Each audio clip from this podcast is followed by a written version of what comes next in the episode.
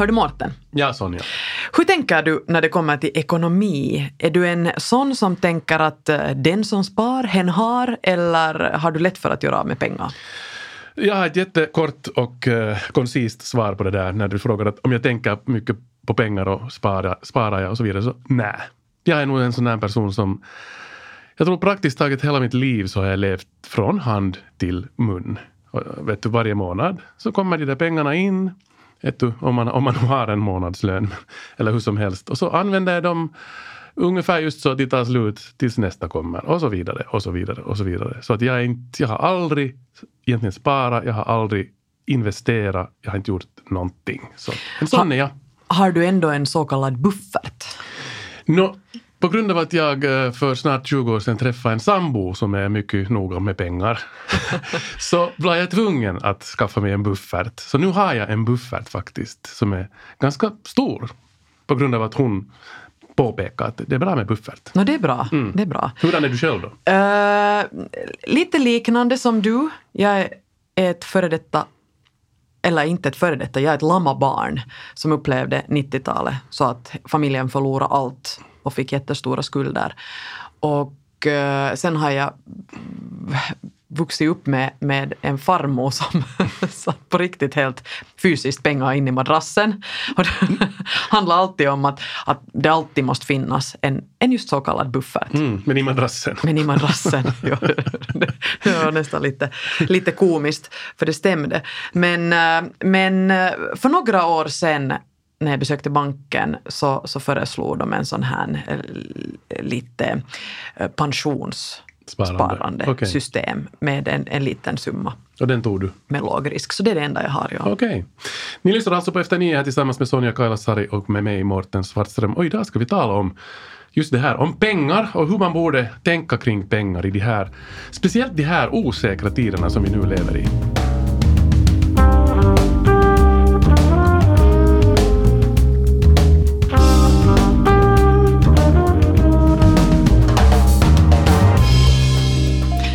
Dagens gäst är Pia-Maria Nickström som är grundare och VD för Mimmit Sijoita, fritt översatt kanske Tjejer placerar, som är en placeringsblogg, podd och eh, ett Instagramkonto med över 40 000 följare. Vi ska tala om hur man kan göra om man till exempel funderar på att börja spara eller placera pengar eller inte riktigt vet var man ska börja, för det här är någonting som, som hon har satt sig in i. Mm. Och lite senare i det här programmet, om en liten stund, kommer vi också att få höra en riktig solskenshistoria när det kommer till pengar. Vi har med oss, eller vi ska få lyssna till Maj-Britt Malmén som är ordförande för eh, Bromarv Martaförening och vi ska få höra hur det kom sig att just den här Martaföreningen blev en av landets rikaste föreningar. Det handlar nämligen om just om placerade pengar där ärvda aktier växte sig till flera tiotals miljoner mark.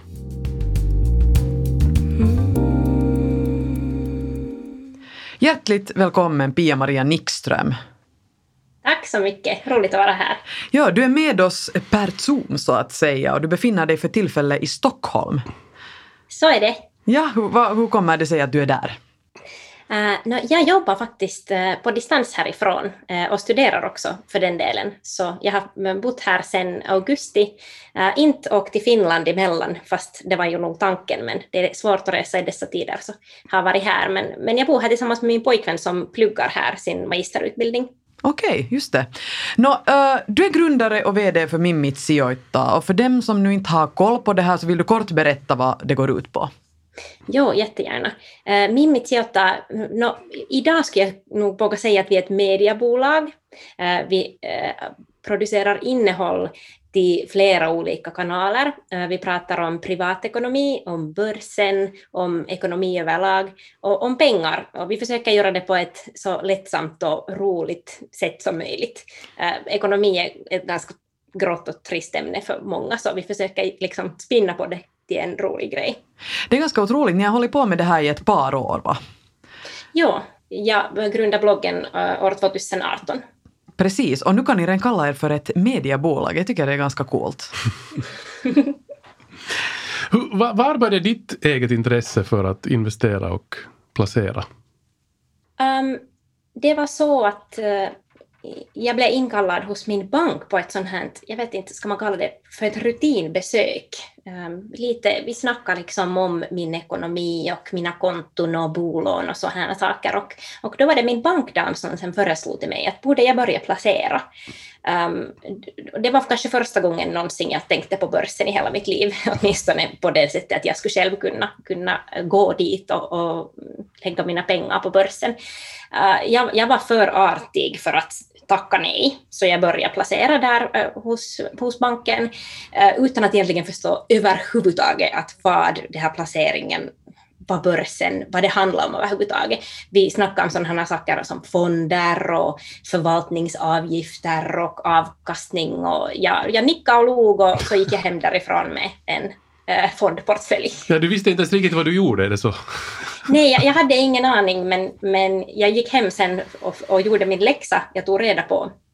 Och då eh, kändes det som att jag klev in i en sån här väldigt Eh, intressant och spännande värld av, av ekonomi och börsen egentligen. Jag kom fram till att, att det egentligen inte är så svårt att placera pengar. Man behöver egentligen inte så jättemycket pengar för att placera pengar. Och eh, om man gör det över en lång tid så är det dessutom möjligt att tjäna ganska mycket pengar på börsen och det tyckte jag var ganska eh, roligt. Så det, det, gav mig inspiration sen till att börja blogga mera. Får man fråga, uh, hur gammal var du när, när det här hände? När du gick dit till 22. banken? 22. 22, så du var ganska ung.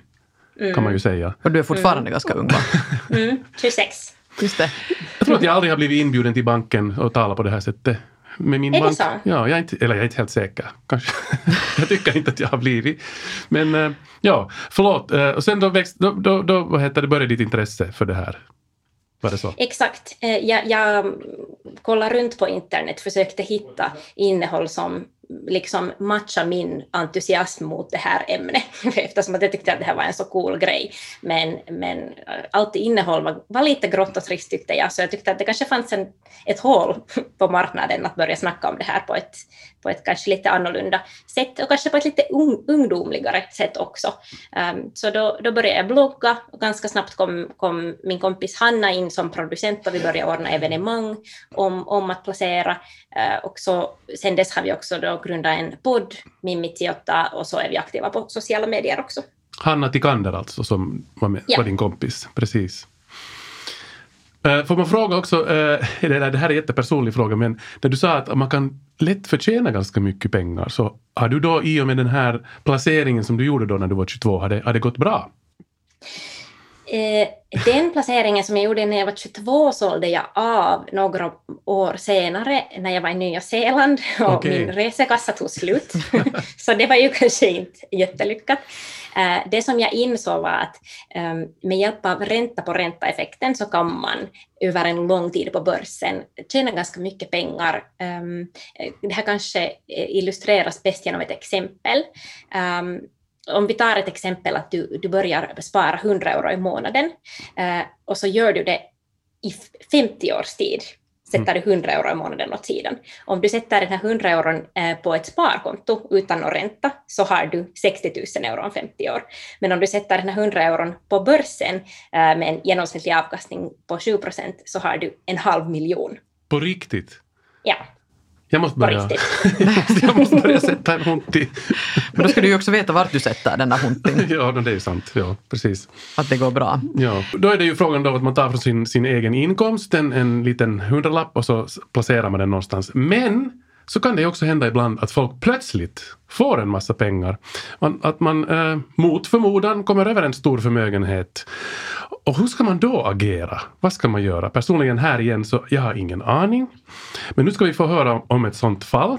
Här tidigare i höst i Efter nio TV så fick vi besök av Maj-Britt Malmén som är ordförande för Brovar, Bromarv Martaförening. Och hon berättade om deras fantastiska historia om hur de blev den rikaste Martaföreningen i Finland. Och så här lät det.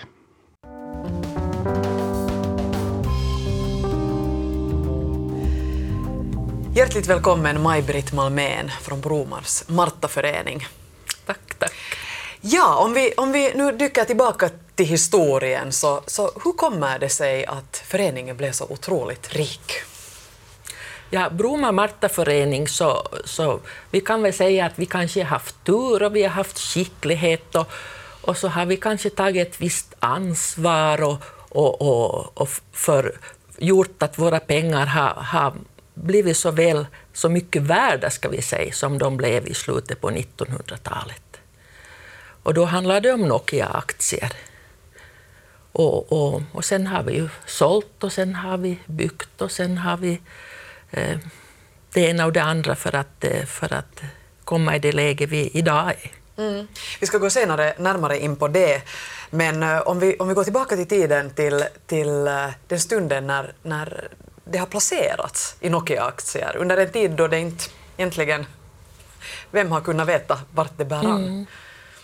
Om vi går riktigt långt tillbaka i tiden så, så fanns det tre damer egentligen. Och det var Fanny Tavastjärna, det var Vera Hjelt och det var Seli Mekelin. Och de hade, det började på det sättet att Fanny Tavastjärna och Vera Hjelt de hade en sommarstuga i Bromarv och de var god vän med Seli Mekelin. Och då tyckte Seli Mekelins pappa, senator Leo Mekelin, att också Seli skulle få en egen sommarstuga i Bromarv. Och så arrenderade han en tomt och det var då början riktigt på 1900-talet. Han lät bygga en sommarstuga och eh, det sägs att Seli Mekelin fick den här sommarstugan i julklapp. Och eh, både Vera Hjelt och Seli Mekelin var med och grundade Martaförbundet då 1899. Och eh, de var också mycket flitiga med i Martarörelsen. Eh, Seli Mekelin testamenterade, när hon avled 1950, så hade hon testamenterat den här sommarstugan i Bromarv jämte då pengar till Bromar Martaförening. Och Vera Hjelt igen, så hon testamenterade också via sin adoptivdotter Ines Cederqvist och hon avled 1948. Så på det sättet så fick då föreningen då, eh, både sommarstugor och då pengar. Och egentligen så var det 1950 då när, när Seli dog som hennes eh, pengar då gavs åt Martorna i form av aktier. Och där var då Nokia-aktier med. Och det sägs, och det står i testamentet, att det var 15 stycken Nokia-aktier och nog många andra aktier också. Vet man vad de här aktierna var värda då? No, då? Det står i testamentet att det var, det var 15 stycken av 17 000. Det var ju mark då förstås. Så så var det. Ja, också ganska mycket pengar på den Mycket pengar då, ja. ja.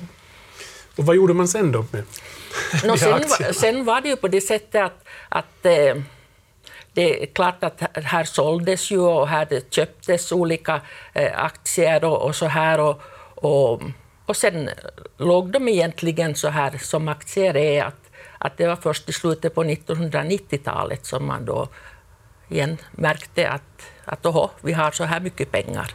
Hur mycket pengar var det riktigt frågan om då? Då var det fråga om drygt 40 miljoner mark.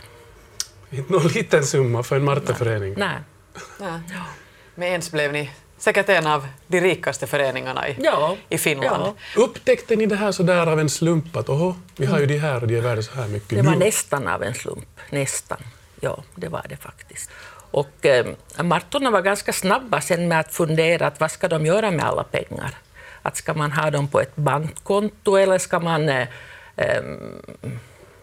ska man ha dem som aktier någonstans eller så här.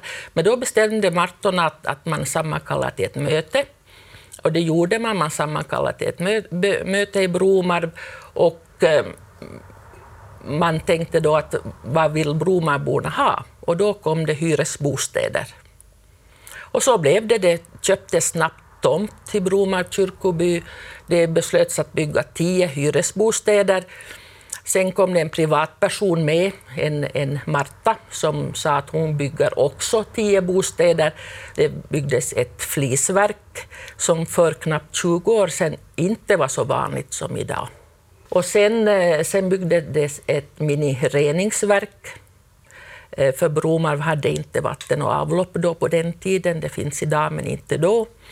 Och så var det solpanel och sen var det mycket tack att husen skulle byggas enligt Marta anda, så här ekologiskt. Så att där finns inte något plast och såna här material i väggarna inte. Det låter inte sådär jättetypiskt eh, Martaföreningslikt på något sätt. Att man är, låter mer som en affärsverksamhet. Mm. Det, det, blev ju så att, att det här, det här eh, eh Ekoby Näckrosen, som det heter, det, det, blev ju ett aktiebolag nog. Det blev det. Men att eh, man byggde då de här husen 2004 och 2005. Och eh, sen byggde man ändå 2009 ett Martahus med, eh, med gym och där finns vävsal och där finns ett samlingsutrymme för cirka 60 personer. Och där finns också ett bombskydd för den här ekobyn behövde då bombskydd också. Så att en del såldes av de här aktierna och en del blev kvar? En del omplacerades till andra aktier, ja. Och några finns kvar. Just det. Eh, vi har förstått att er Martaförening också blev ganska populär i och med att det säkert eh, när sen när det blev offentligt att ni hade så här mycket pengar så ville många bli medlemmar. Det var kanske inte så många som ville bli medlemmar extra så här, men, men eh, det var ju mycket. Det var mycket. Det var i dansk och i belgisk press, det var i en fransk tidning, kommer jag ihåg att var dit och intervjua. Det var i Tyskland också, för det här med ekobybyggande såg ju så mycket speciellt. Och eh, här var också finska tidningar vad stod det, miljonen Marta, tror jag det stod där som rubrik. Att det, det, det var intressant. Mm. Kan man säga att det, det handlar delvis om, om tur när, när ni bestämde er för att ändå sälja en del av, av aktierna och, och ta ut de där pengarna i grevens tid så att säga. Det var ju bara några år senare så var de inte heller värda så hemskt mycket. Nej, nej det var ju nog riktigt i, i grevens tid, det var ju riktigt i slutet på 90-talet som, som de var som mest. Och 2007 tror jag att det var mycket, mycket sämre. Att det gick snabbt. Fick man utomstående hjälp eller var det så att allt, allt, alla beslut gjordes inom föreningen? No, jag har hört på det sättet att, att, att då när vi fick aktier då av Seli Mekelin, eller ärvde då 1950, så, så då, då hade en, en eh, bergsrådet Lindros sagt att gummistövlar behöver man alltid, så det ska man satsa på. Det låter ju lite just sådär, kanske som, som eh, ett tankesätt som Marton har, just att gummistövlar behöver man ju alltid. Att mm. man, man liksom tänker sådär vettigt, att vad, vad, vad lönar sig? Mm. Och sen kommer den här otroliga det kommer telefonerna. Vändningen i historien, som då inte slutade kanske så bra sen sista slutligen. Men, ja. men det, det, var en fin möjlighet för er. Och mm. en, en, en jätterolig historia som jag inte mm. hade hört om faktiskt tidigare. Nej. Innan det här. Men tack så mycket för, tack. för intervjun. Tack, tack. Och ha en god fortsättning mm. i Bromarv. Och lycka till med er fortsatta verksamhet. Ja. Där hörde vi alltså Maj-Britt Malmén från Bromarp, Martorna, berätta om eh, ja, deras lyckospark, mm. kan man väl säga att det var. Men uh, vi har med oss Pia-Maria Nickström från Mimmit Sijoita. Du lyssnar just på den här intervjun. Vilka tankar väckte det hos dig? Alltså, vilken otrolig story. Det, det, det, sådana tankar väckte det för mig. För det första de här miljonerna som hittades, men också vad man gjorde med dem, alltså de här omplaceringarna och ekobyn och solpaneler, att det kändes liksom jätteframåt. Verkligen. Um, ja, no, det, det, där är ju nog en riktig solskenshistoria och inte kanske inte kanske en berättelse som kommer emot på, på, på varje. Nej, det är kanske inte riktigt, uh, det är ju ganska få förunnat. Jag menar, när det kommer till vanliga människor så har man, kan man ju inte liksom lita på turen.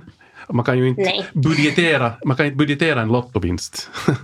Men uh, man måste ju helt enkelt vara mer målmedveten och kanske fatta medvetna beslut och spara och så vidare. Uh, jag tänkte fråga dig också, Pia-Maria, har du upplevt, eller hur, hur skulle du säga att det är just nu? Hur vanligt är det att folk placerar? Har det blivit vanligare under de här senaste åren eller, eller vad är läget? Eh, det har definitivt blivit vanligare. Eh, alltså jag tycker att det finns snart eh, en miljon aktieägare i Finland, så det är ganska många som, som placerar i Finland. Och så har det ju blivit kanske mer populärt under de senaste åren och det har kommit många olika initiativ ehm, just som, som vi och många andra som har börjat snacka om det här ämnet. Och så skulle man ju också kunna säga att den här coronakraschen har faktiskt väckt intresse, så det är ganska många som faktiskt har börjat nu eh, när, eh, när börsen gick ner i våras. Men är det inte ändå man upplever ändå att det skulle vara lite osäkra tider vi lever i, att, att man inte kanske skulle våga placera, men du säger att det är liksom tvärtom. Eh, no, det beror ju på såklart. Mm, alltid när man, när man placerar så, så det ju, finns det ju alltid en risk. Eh, utan risk kan man inte få avkastning, så det är ju eh, ett faktum som man måste eh, förstå såklart. Men, men man kan ju göra en massa olika saker för att sprida den här risken. Um, som till exempel det att man inte ska sätta alla sina pengar på en gång dit till börsen, utan köpa lite åt gången. Mm. Ja, det, som man ju också kan liksom lite förundra sig över är, är i de senaste tiden har vi läst mycket om, om just vissa företag, det går dåligt för dem, men, och de säger upp folk eller de helt enkelt går under kanske. Och då går aktierna, eller de här börskurserna går upp. Och ibland så förstår man inte riktigt hur det här hänger ihop. Mm. Ja, eh, det är sant. Alltså det är faktiskt extremt svårt eh, att förstå och my ännu mycket svårare att förutspå att vad som sker på börsen. Så att egentligen spekulera sådana här korttidsrörelser, eh, hur kurvan går, ska den gå upp eller ner, det har egentligen sagts att det är rent utav omöjligt. Så, så en sån placerare som jag som tänker extremt långsiktigt så tänker att ja, det här är en pandemi, det är en, eh, en global kris, men det har det har funnits globala kriser tidigare också eh, och börsen har alltid återhämtat sig, har det varit eh, världskrig eller vad som helst. Att, eh, ja, det hör liksom till. När du säger att tänker långsiktigt, så hur långsiktigt tänker du? Ja, ehm, det finns ju jättemånga olika sorters placerare. Några tycker om att daytrada, de äger en aktie kanske några sekunder eller en dag.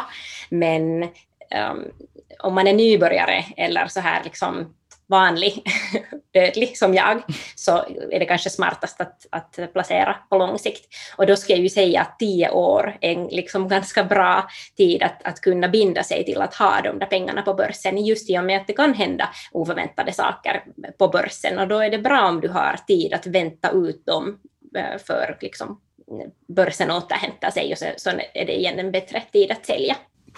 Har det här också att göra med det här när de rådgivare alltid säger att man ska ha tålamod, man ska inte förhasta sig för att mm. allt återhämtar sig. Hur, hur, är det, ja, hur är det möjligt?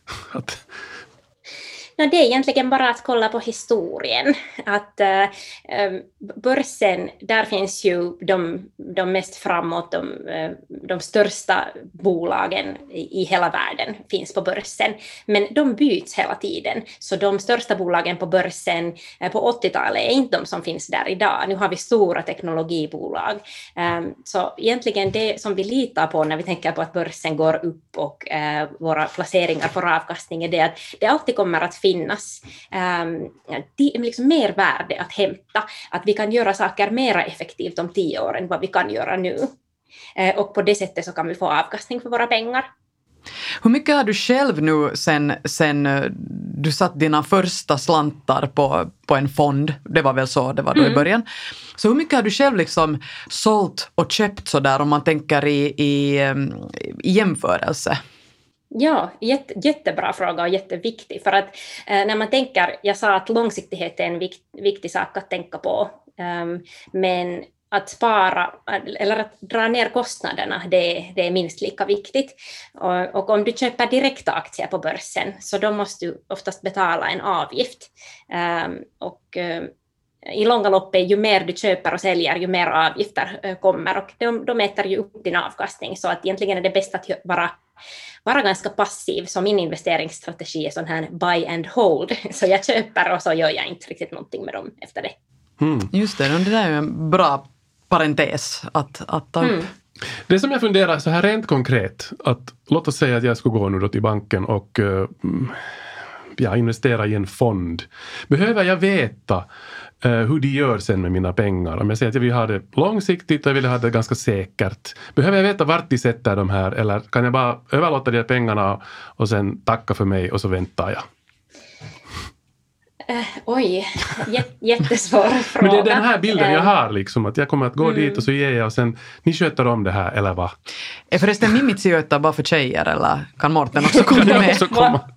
Mårten är jättevälkommen. uh, uh, jag, jag skulle säga att det, man sparar ganska mycket pengar om man själv väljer ut vilka fonder och vilka instrument man vill, man vill investera i. Så om vi tänker på fonder, det finns två olika sorters fonder egentligen. Det finns sådana aktiva fonder som eh, din bank eh, mm, har hand om och de väljer sen att okej, okay, nu ska vi placera i det här och nu ska vi sälja av det här och så vidare. Men sen finns det också sådana här passiva fonder som är mycket eh, kostnadseffektivare och de mm, investerar i börsens genomsnittliga avkastning. Så om ni kommer ihåg det här exemplet som jag gav i början av programmet om ränta på ränta-effekten, där mm. säger jag att den genomsnittliga avkastningen på börsen har historiskt varit 7 procent. Så om du investerar i en sån här passiv indexfond, då behöver du inte betala lön till någon för att den ska eh, välja och, och vrida på vad som ska komma med, utan, utan eh, du investerar allmänt i en marknadsindex och då innehåller den alla de bolag som de här aktiva eh, aktieinvesterarna tradar mellan varandra där på börsen. Så du kommer egentligen till samma resultat utan att göra så mycket jobb. Och det här var kanske det som fick mig att bli eh, så intresserad av, av att placera för att det är egentligen det som gör det så enkelt. Just det. Och då är, är det så, då är min bank egentligen inte involverad i det här? Är det så? Uh, no, det beror på. Uh, för att du ska kunna köpa fonder eller aktier så måste du ha någon sorts värdeandelskonto eller aktiesparkonto eller någon sorts kontrakt. Så då kan det vara din egen bank, absolut, som säljer de här indexfonderna, eller så kan det vara en online investeringsbank som du ja, öppnar på nätet. Och hur ska jag sen försäkra mig om att jag inte blir, no, inte lurad, men att jag inte förlorar de här pengarna sen då? Mm. No, egentligen så skulle man ju tänka sig att, att man ska inte placera sådana pengar som man inte har råd att förlora. För att ja, man vet aldrig, risken finns. Eh, men sen om vi tänker på börsbolag och konkurser, så det är inte så fruktansvärt vanligt att börsbolag går i konkurs. Eh, vi har viss några exempel från liksom, Helsingfors börs, till exempel Talvivaara eller Timari, men um, det är inte så vanligt. Ehm, det som då man ska göra är det att man ska inte lägga alla ägg i samma korg, utan man ska sprida risken utöver flera olika bolag. Och om du har en fond som har placerat till exempel hundra olika bolag, så den dagen när alla de här hundra bolagen går i konkurs under samma dag, det är den dagen du mister alla dina pengar och det är kanske inte, um, ja, jag, jag förväntar inte mig att det ska hända. Mm. Med min Mitsiöta så har ni ju fokus på tjejer. Mm. Uh, vet du eller ni någonting om hur uh, män uh, placerar gentemot kvinnor? Att finns det någon skillnad där, där i hur man, hur man tänker?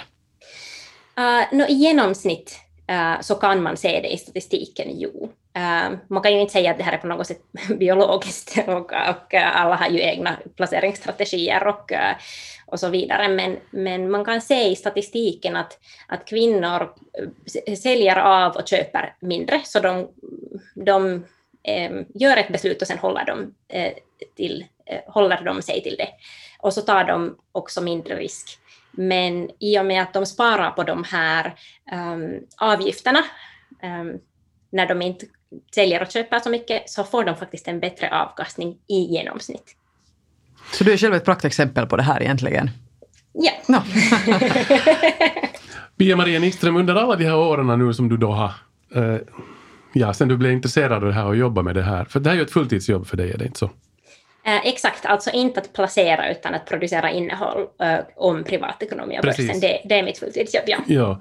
Så vad, vad, är den här, när det kommer till att placera och spara eller investera, så vad är, vad är den största aha-upplevelsen som du har fått under de här de här åren? Jag, jag tror att, att den största aha-upplevelsen um, för mig har varit kanske det att uh, hur, hur stor påverkan en så liten livsförändring kan i långa loppet ha. Så egentligen om man tänker på att, uh, att man gör en liten eh, inkrementell förändring i ett i början av sitt liv eller i något skede av sitt liv, så när man låter den växa ränta på ränta så kan det ha en jättestor förändring i mitt liv, eh, i en familj, i en släkt, i att någons barn kan få ett körkort eh, och som utbyteselev mm, har råd till sin första eh, bostad på grund av att liksom mormor Pia började placera när hon var 22. Så mm. det, det tycker jag liksom kanske att har varit den största. Det blev nog lite av en aha-upplevelse för mig här nu också faktiskt, det här när, när du berättade här om den här hundralappen. Så att helt enkelt om man har en liten slant, nu tittar jag på dig Sonja också, en liten extra slant, mm. så, så tydligen kan man ha en ganska, det kan ha en ganska stor inverkan då helt klart. På ens så liv. är det. Och så vill jag flika in att den där huntin ju, kan ju också vara en, äh, ganska mycket. Så att det här är ju absolut så att alla har ju inte möjlighet. Alla har ju inte en extra hund i månaden. Men det kan ju vara intressant att, att höra att det är oftast 10 eller 15 euro i månaden som är den här minimiplaceringssumman som man ska ha för att kunna börja placera i en fond. Jag satt här och funderade medan vi talade att, att hur mycket ens barndom och ens uppväxt präglar ens sätt att tänka på ekonomi. Uh, hur skulle man kunna uppfostra barn eh, i att tänka på något sätt eh, i, i, i dessa banor? Uh, jag vet inte, har du, har du någon fundering kring det? Det här, jag tycker att, att börsen och ekonomi är extremt allmänbildande, så om man liksom får en ung person att bli intresserad av det så kan man lära sig jättemycket av världen också. Um, börsen speglar sådana stora liksom, riktningar som världen um, utvecklas mot kallas för så här megatrender. Och då kan det vara jätteintressant att se till exempel att hur klimatförändringen bekämpas på börsen och liksom slå ihop sådana viktiga frågor med att också placera. Så jag tror liksom att det är en intressant och allmänbildande hobby som kan vara jättekul också för någon mm. som är lite yngre.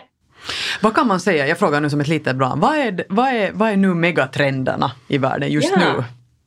Jättebra fråga. När vi ser i Finland till exempel en åldrande befolkning Eh, där skulle man kunna tänka sig att hälsovård till exempel är någonting som man skulle kunna satsa på. Vi ser um, digitalisering av vårt samhälle, så automatiseringar och artificiell, uh, artificiell intelligens uh, och alla möjliga bolag inom det som man skulle kunna, kunna tänka på. Hållbarhet i sig är en helt jättestor megatrend och någonting som knappast kommer att gå över här under närmsta åren.